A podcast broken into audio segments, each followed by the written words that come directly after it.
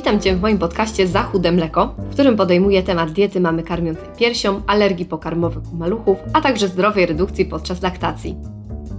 Nazywam się Alina Pasionek-Sikora, jestem dietetykiem i promotorem karmienia piersią. W sieci znajdziesz mnie jako dietetyk pasionek.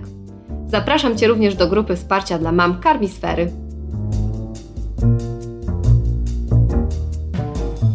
Na sam koniec zostawiłam temat spożycia mięsa, ryb i jaj. Wydaje mi się, że warto powiedzieć tu kilka rzeczy na temat tego, dlaczego warto ograniczać mięso w swojej diecie, czy możemy przerzucić się tylko na ryby i jak spożycie jaj przekłada się na cholesterol. I zacznę od jaj. Kiedyś przy podwyższonym cholesterolu pierwsze zalecenie, jakie słyszeliśmy od lekarza, to ograniczenie jaj.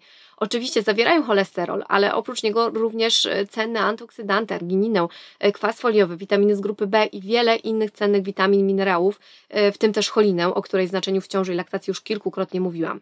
Okazuje się, że jajka jakoś specjalnie nie wpływają na frakcję LDL cholesterolu, mogą ją zwiększać delikatnie, zwłaszcza u osób mających predyspozycję do hipercholesterolemii, ale tutaj wpływ będzie miał nie tylko cholesterol pochodzący z jajek, ale ten cholesterol pokarmowy ogółem i też oczywiście inne składniki diety o niekorzystnym działaniu. Przy okazji spożywania cholesterolu pokarmowego wzrasta nam nie tylko ta zła frakcja, ale też ta dobra, czyli HDL. Aktualne zalecenia mówią o bezpiecznym spożywaniu 7 jaj tygodniowo przez osoby zdrowe i też te aktualne właśnie zalecenia, czyli normy żywienia dla populacji polskiej fajnie podsumowują temat cholesterolu. Pozwolę sobie tutaj zacytować, że nie ma potrzeby ustalania normy spożycia cholesterolu. Słuszne jest natomiast ograniczanie spożycia produktów o dużej zawartości nasyconych kwasów tłuszczowych i cholesterolu i zastępowanie ich produktami bogatymi w nienasycone kwasy tłuszczowe w celu profilaktyki choroby niedokrwiennej serca.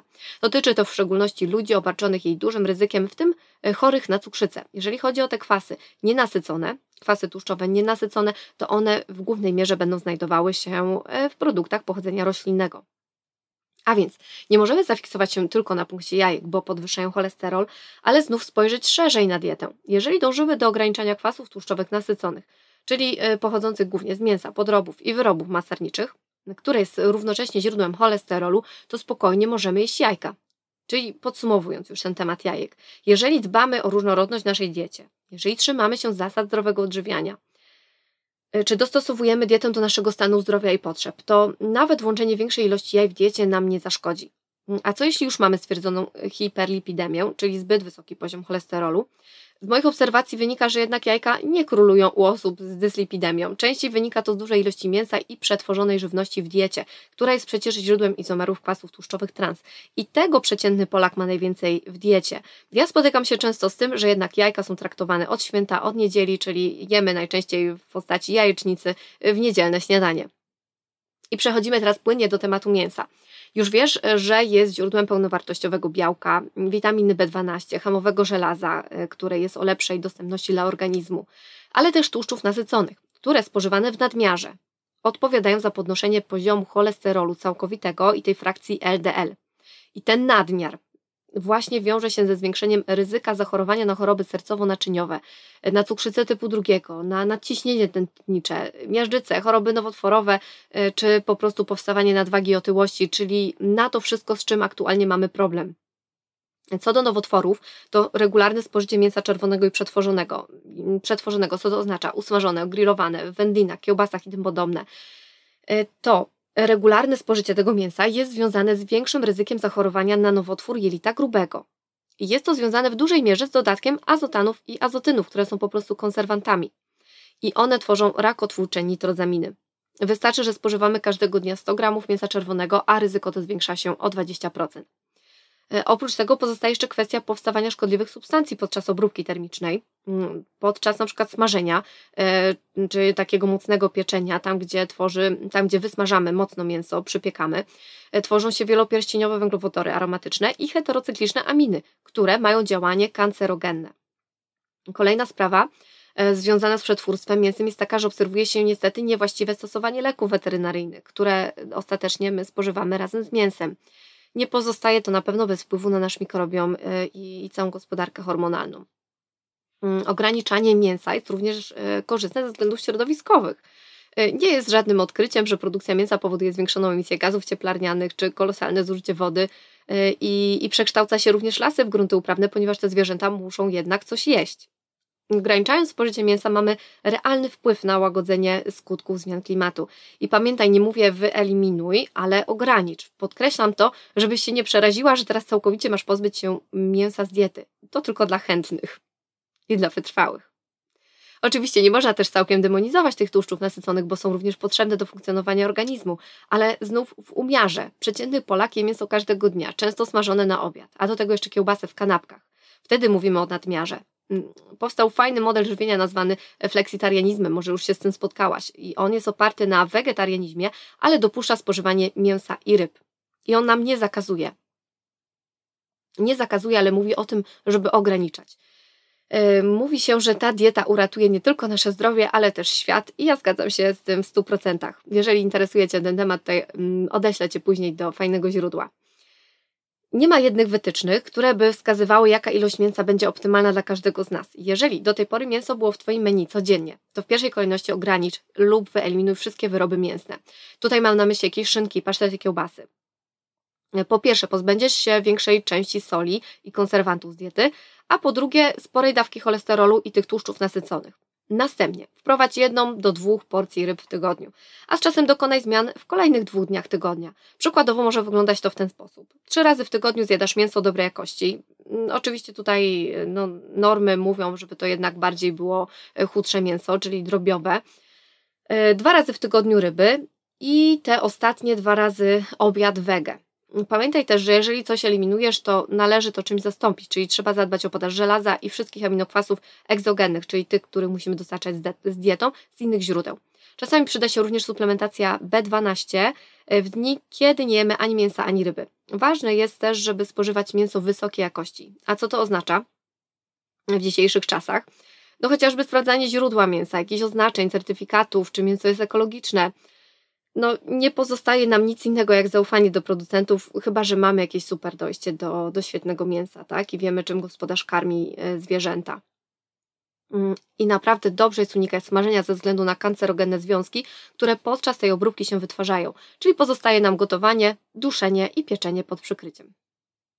Mm, powiedziałam wcześniej, że warto, aby w diecie znalazły się dwie porcje ryb, ponieważ zawierają cenne kwasy z rodziny omega-3, i zaleca się je w prewencji chorób sercowo-naczyniowych. Ale dlaczego dwa razy w tygodniu, a nie codziennie? No odpowiedź jest prosta, bo ryby zawierają po prostu metale ciężkie i różne toksyny. Oczywiście również mięso będzie je zawierać, pamiętaj o tym. I niestety metale ciężkie i toksyny pochodzą na ogół ze skażonego środowiska, którym są również akweny morskie. A ponieważ te świństwa, za przeproszeniem, lubią kumulować się w tkance tłuszczowej, to automatycznie wiemy, że im większa ryba, e, im dłużej żyjąca, mm, im bardziej tłusta, tym więcej tego zgromadzi. Jak we wszystkim w życiu należy zachować umiar, również w jedzeniu ryb i mięsa. Najciekawsze dla mnie jest to, że potrafimy zjadać się mięsem każdego dnia, a od ryb stronimy, bo zawierają metale ciężkie. Ale jedno i drugie w nadmiarze nie przyniesie nam żadnych korzyści zdrowotnych. Co możemy jeszcze znaleźć w rybach? Nie tylko oczywiście, znowu nawiązuje do mięsa, tak? bo w mięsie tak samo. Dioksyny, antybiotyki i polichlorobifenyle, podobne do dioksyn. Z tego względu u kobiet w ciąży, karmiących i małych dzieci, zaleca się jednak ograniczenie spożycia ryb zakwenów o wysokim stopniu zanieczyszczenia i ryb drapieżnych. Mm, ale co warto wiedzieć, że jednak korzyści ze spożywania ryb przewyższają nad tym ryzykiem mm, ze względu na dostarczenie jednak tych niezbędnych kwasów omega-3. Jakie ryby nie są zalecane dla kobiet w ciąży, karmiących i małych dzieci? Z niezalecanych Wymienia się miecznika, rekina, makrelę królewską, tuńczyka, węgorza, płytecznika, ja akurat nie spotkałam się nigdzie z tą rybą, łososia, śledzia bałtyckiego, łososia również bałtyckiego, szczupaka, pankę, tilapie, gardłosza atlantyckiego. Natomiast w zalecanych pojawia się łosoś norweski hodowlany, szprot, sardynki, sump, strąg hodowlany, e, flądra, dorsz, ryba maślana, morczuk czy makrela atlantycka. Mm, I tutaj chciałam Wam przedstawić jeszcze jako ciekawostkę, jakie maksymalne porcje ryb byśmy musieli spożywać w skali tygodnia, by nie dopuścić do przekroczeń pobrania zanieczyszczeń z ryb e, i skupię się wyłącznie na zawartości dioksyn, ponieważ tutaj te ilości są zdecydowanie mniejsze niż w, przypad w przypadku na przykład rtęci. Tak więc na przykład dorsza bałtyckiego możemy zjeść spokojnie do 1 kg. Oczywiście to nie jest tak, że tych dioksyn nie dostarczymy, bo dostarczymy z tą rybą, tylko są przyjęte jakieś normy, y, do których powiedzmy, no, jest to dopuszczalne, nie powiem, że zdrowe, tak? Y, śledź bałtycki, spożycie do około 400 gramów powinno być ok. Łosoś bałtycki do 100 gramów. karp do 7 kg aż, pstrąg ponad 2 kg. Jeżeli chodzi o tuńczyka w oleju, no to ponad 2 kg, a łosoś norweski wędzony już do 575 g. Oczywiście jest to jakoś uśrednione, tak? Nigdy nie wiemy, ile tych dioksyn faktycznie dostarczymy z rybą do organizmu. Jeszcze jeżeli chodzi o te ryby hodowlane, yy, znów nie możemy mieć super pewności co do podaży leków i do tego, jaką paszą są karmione. I znowu pytanie, jak tu znaleźć złoty środek? No nie pozostaje nam nic innego jak umiar, jak wybieranie ryb z tabelki zalecane z norm żywienia, ekologiczne gospodarstwa, dotyczy to również mięsa. A jak nie lubimy ryb, no nie będziemy ich jeść na siłę. Wtedy na pewno przyda się suplementacja i zaleca się przyjmowanie omega-3 w ilości 250 mg na dobę i tutaj mówię o EPA i DHA, a w ciąży i podczas karmienia mm, piersią dodatkowo nam dochodzi jakieś 200 mg samego DHA. Na moim profilu Dietetyk Pasionek znajdziesz wpis dotyczący roli kwasów omega-3 w organizmie, a wkrótce przygotuję też wpis na temat zapotrzebowania i źródeł, także jeżeli jesteś ciekawa, to odsyłam Cię właśnie do mojego Instagrama lub Facebooka. Pamiętaj, że nie wyczerpałam tematu ryb i mięsa. Moim celem było jedynie przekazanie Tobie w skrócie, naprawdę w wielkim skrócie argumentów do podjęcia ży żywieniowej decyzji. Mm, mam też nadzieję, że w poprzednim i w, poprzednich i w aktualnym odcinku wyłożyłam takie podstawowe informacje, które przybliżą Cię do zdrowszego stylu życia.